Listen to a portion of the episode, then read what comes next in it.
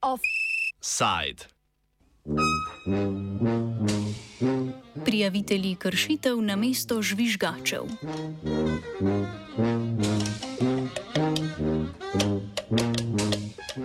Z začetkom naslednjega tedna se bo zaključila javna obravnava predloga zakona o zaščiti prijaviteljev. Celovit zakon o zaščiti žvižgačev, ki ga pri nas še nimamo, naj bi v slovenski pravni red prinesel direktivo Evropske unije iz leta 2019 o zaščiti oseb, ki prijavijo kršitve prava. Rok za prenos direktive v nacionalne zakonodaje se je iztekel 17. decembra lani, Ministrstvo za pravosodje pa je že pet dni po izteku tega roka predlog zakona vložilo šele v medresorsko usklajevanje. V tem sicer ni nobena izjema, saj so direktivo v svojo zakonodajo prenesle zgolj štiri evropske države. Medtem je minilo že več kot pet let od obsodbe žvižgačev, ki so razkrili tako imenovane LuxLeaks dokumente. Ti so bili prvi v vrsti razkriti industrije za skrivanje premoženja v davčnih oazah.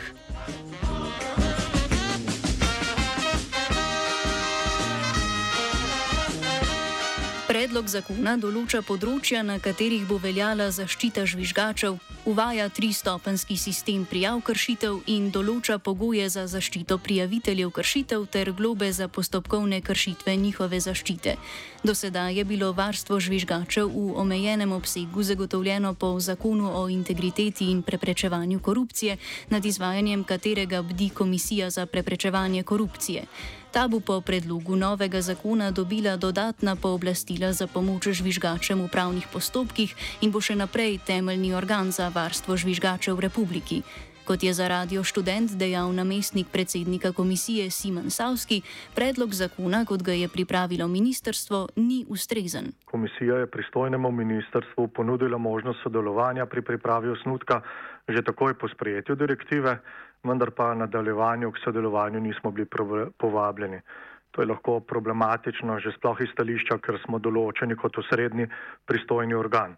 Zakon v tej obliki po našem mnenju ni ustrezen, torej s predlogom zakona se ciljev direktive ne dosega celovito, namen direktive in zakona je seveda zaščita finančnih sredstev, teh pa s predlaganimi ukrepi ne moremo dosegati. Predlog zakona naj bi pri določitvi področji, na katerih se bo izvajal, izhajal iz evropske direktive. Veljal bo denimo za področja javnega naročanja, jav finančnih storitev, varnosti izdelkov, varnosti v prometu, varstva okolja, varnosti hrane, javnega zdravja in varstva zasebnosti. Po oceni komisije so področja zastavljena preusko, je povedal Savski. Varstvo žvižgačev bi moralo biti v zakonu obravnavano celovito in bi moralo pokrivati kar celotno področje javnega sektorja. Mora pokrivati celotno poslovanje javnega sektorja in ne samo področje, ki so naštetih v predlogu.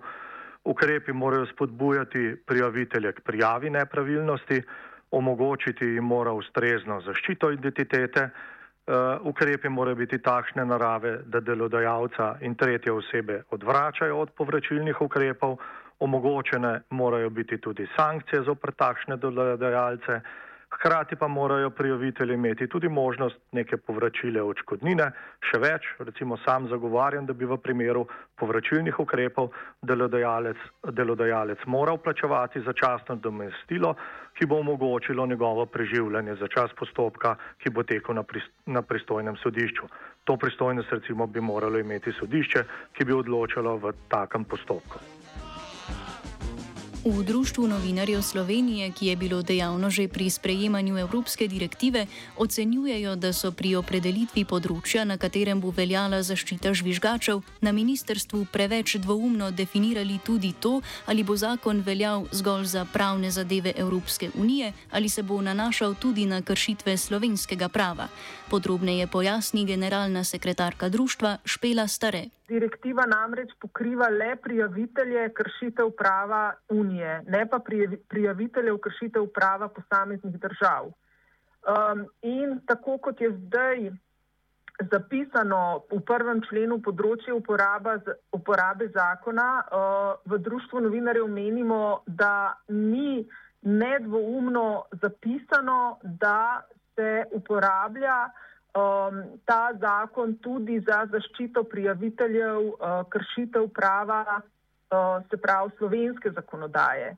Um, sicer v obrazložitvi uh, člena je navedeno, da naj bi se pokrilo, uh, da naj bi zakon pokrival, se pravi, prijave kršitev um, tako evropske kot slovenske zakonodaje, ampak po našem mnenju bi bilo to treba uh, natančneje zapisati. Uh, to je namreč ključno, ker uh, ne moramo imeti nekega dvotirnega sistema, da nekdo, ki prijavlja kršitve prava Evropske unije, je zaščiten po um, enem modelu, uh, naprimer nekdo, ki pa prijavlja kršitve prava uh, slovenske, tako, slovenskega prava, pa je uh, po nekem drugem uh, celo mogoče diskriminatornem sistemu, se pravi, je deležen manjše zaščite. Varstvo žvižgačev zakon zagotavlja na način, da delodajalci prijavitelju zaradi njegove izpostavitve nepravilnosti ne smejo zadati povračilnih ukrepov. Zakon pri tem določa, da lahko prijavitelji zaprosijo za sodno varstvo, prav tako pa Komisiji za preprečevanje korupcije nalaga, da mora žvižgaču nuditi pravno svetovanje in podobno. Tako Simon Savski kot Špela Stare se strinjata, da bi moral iti zakon pri zaščiti še dlje.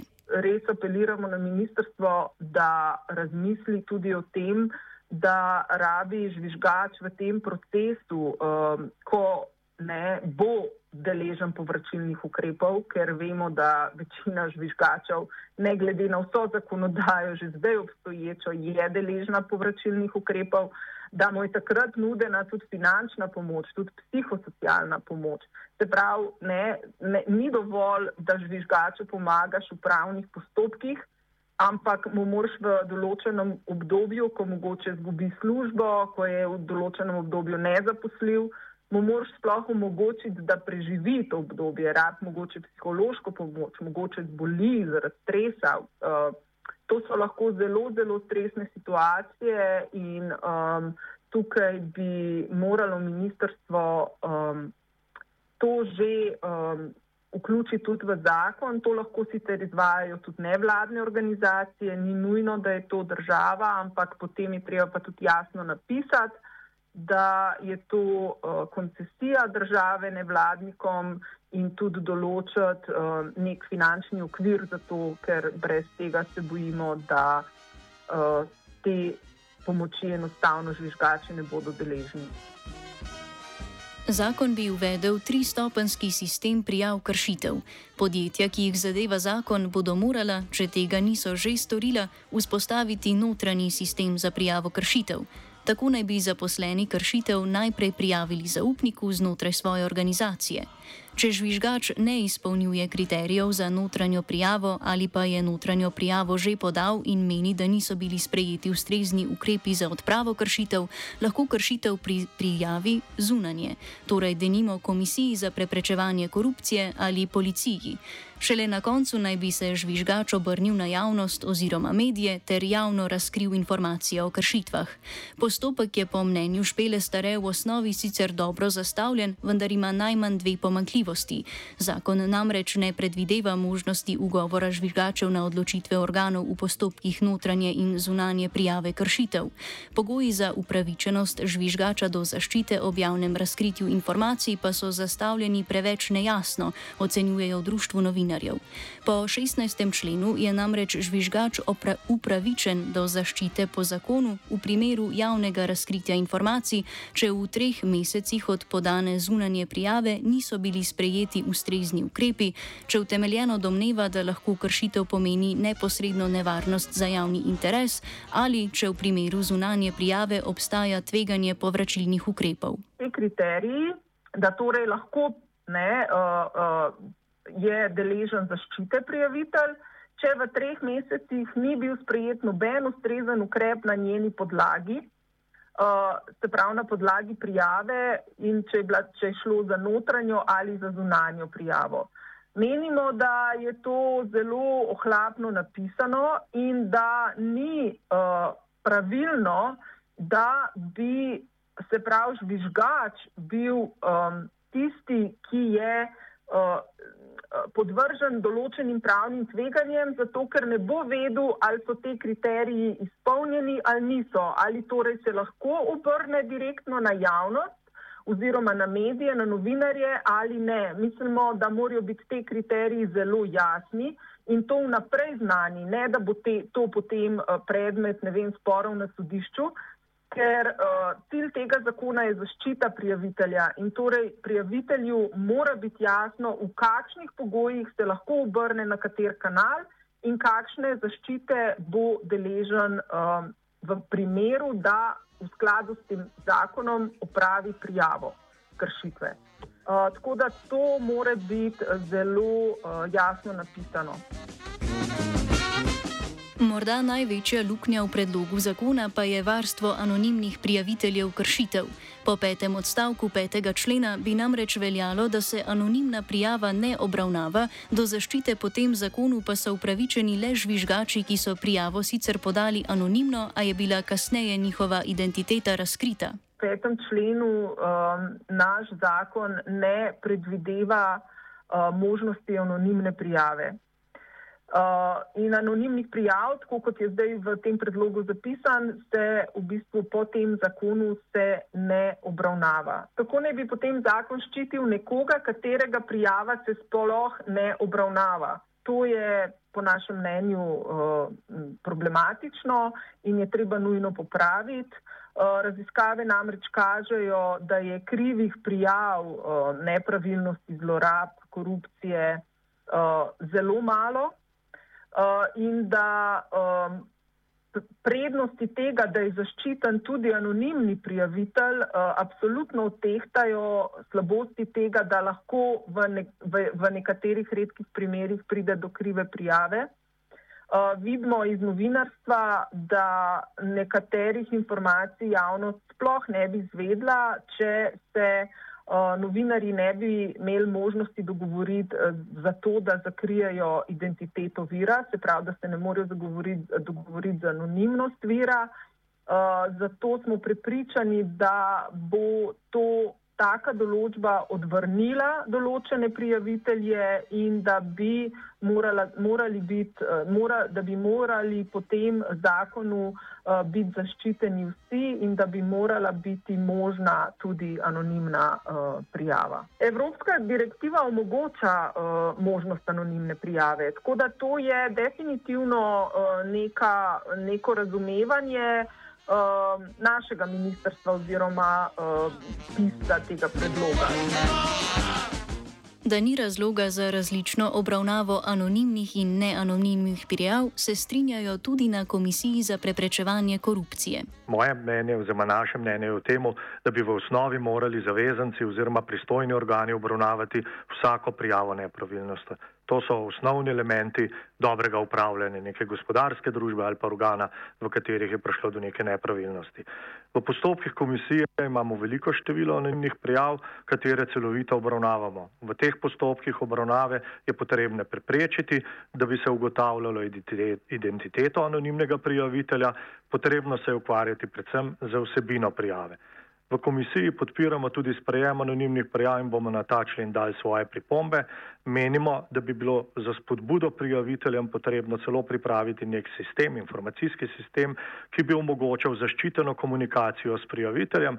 Slednji se seveda včasih tudi kasneje uh, izkažejo, seveda je mogoče omejena možnost uh, podpore oziroma raznih ukrepov, ki bi jim lahko dali za njihovo zaščito, dokler so anonimni, vendar pa uh, je v posameznih postopkih uh, zelo težko ocenjevati iz tega stališča. Imamo pa postopke, uh, ki pa moramo paziti, ne, torej na identiteto prijavitelja in tukaj smo mnenja, da bi lahko na predlog, za razliko od tega predloga, ne, torej zakona na predlog pristojnega organa, identiteto prijavitelja odobrilo razkritje njegove identitete le sodišče.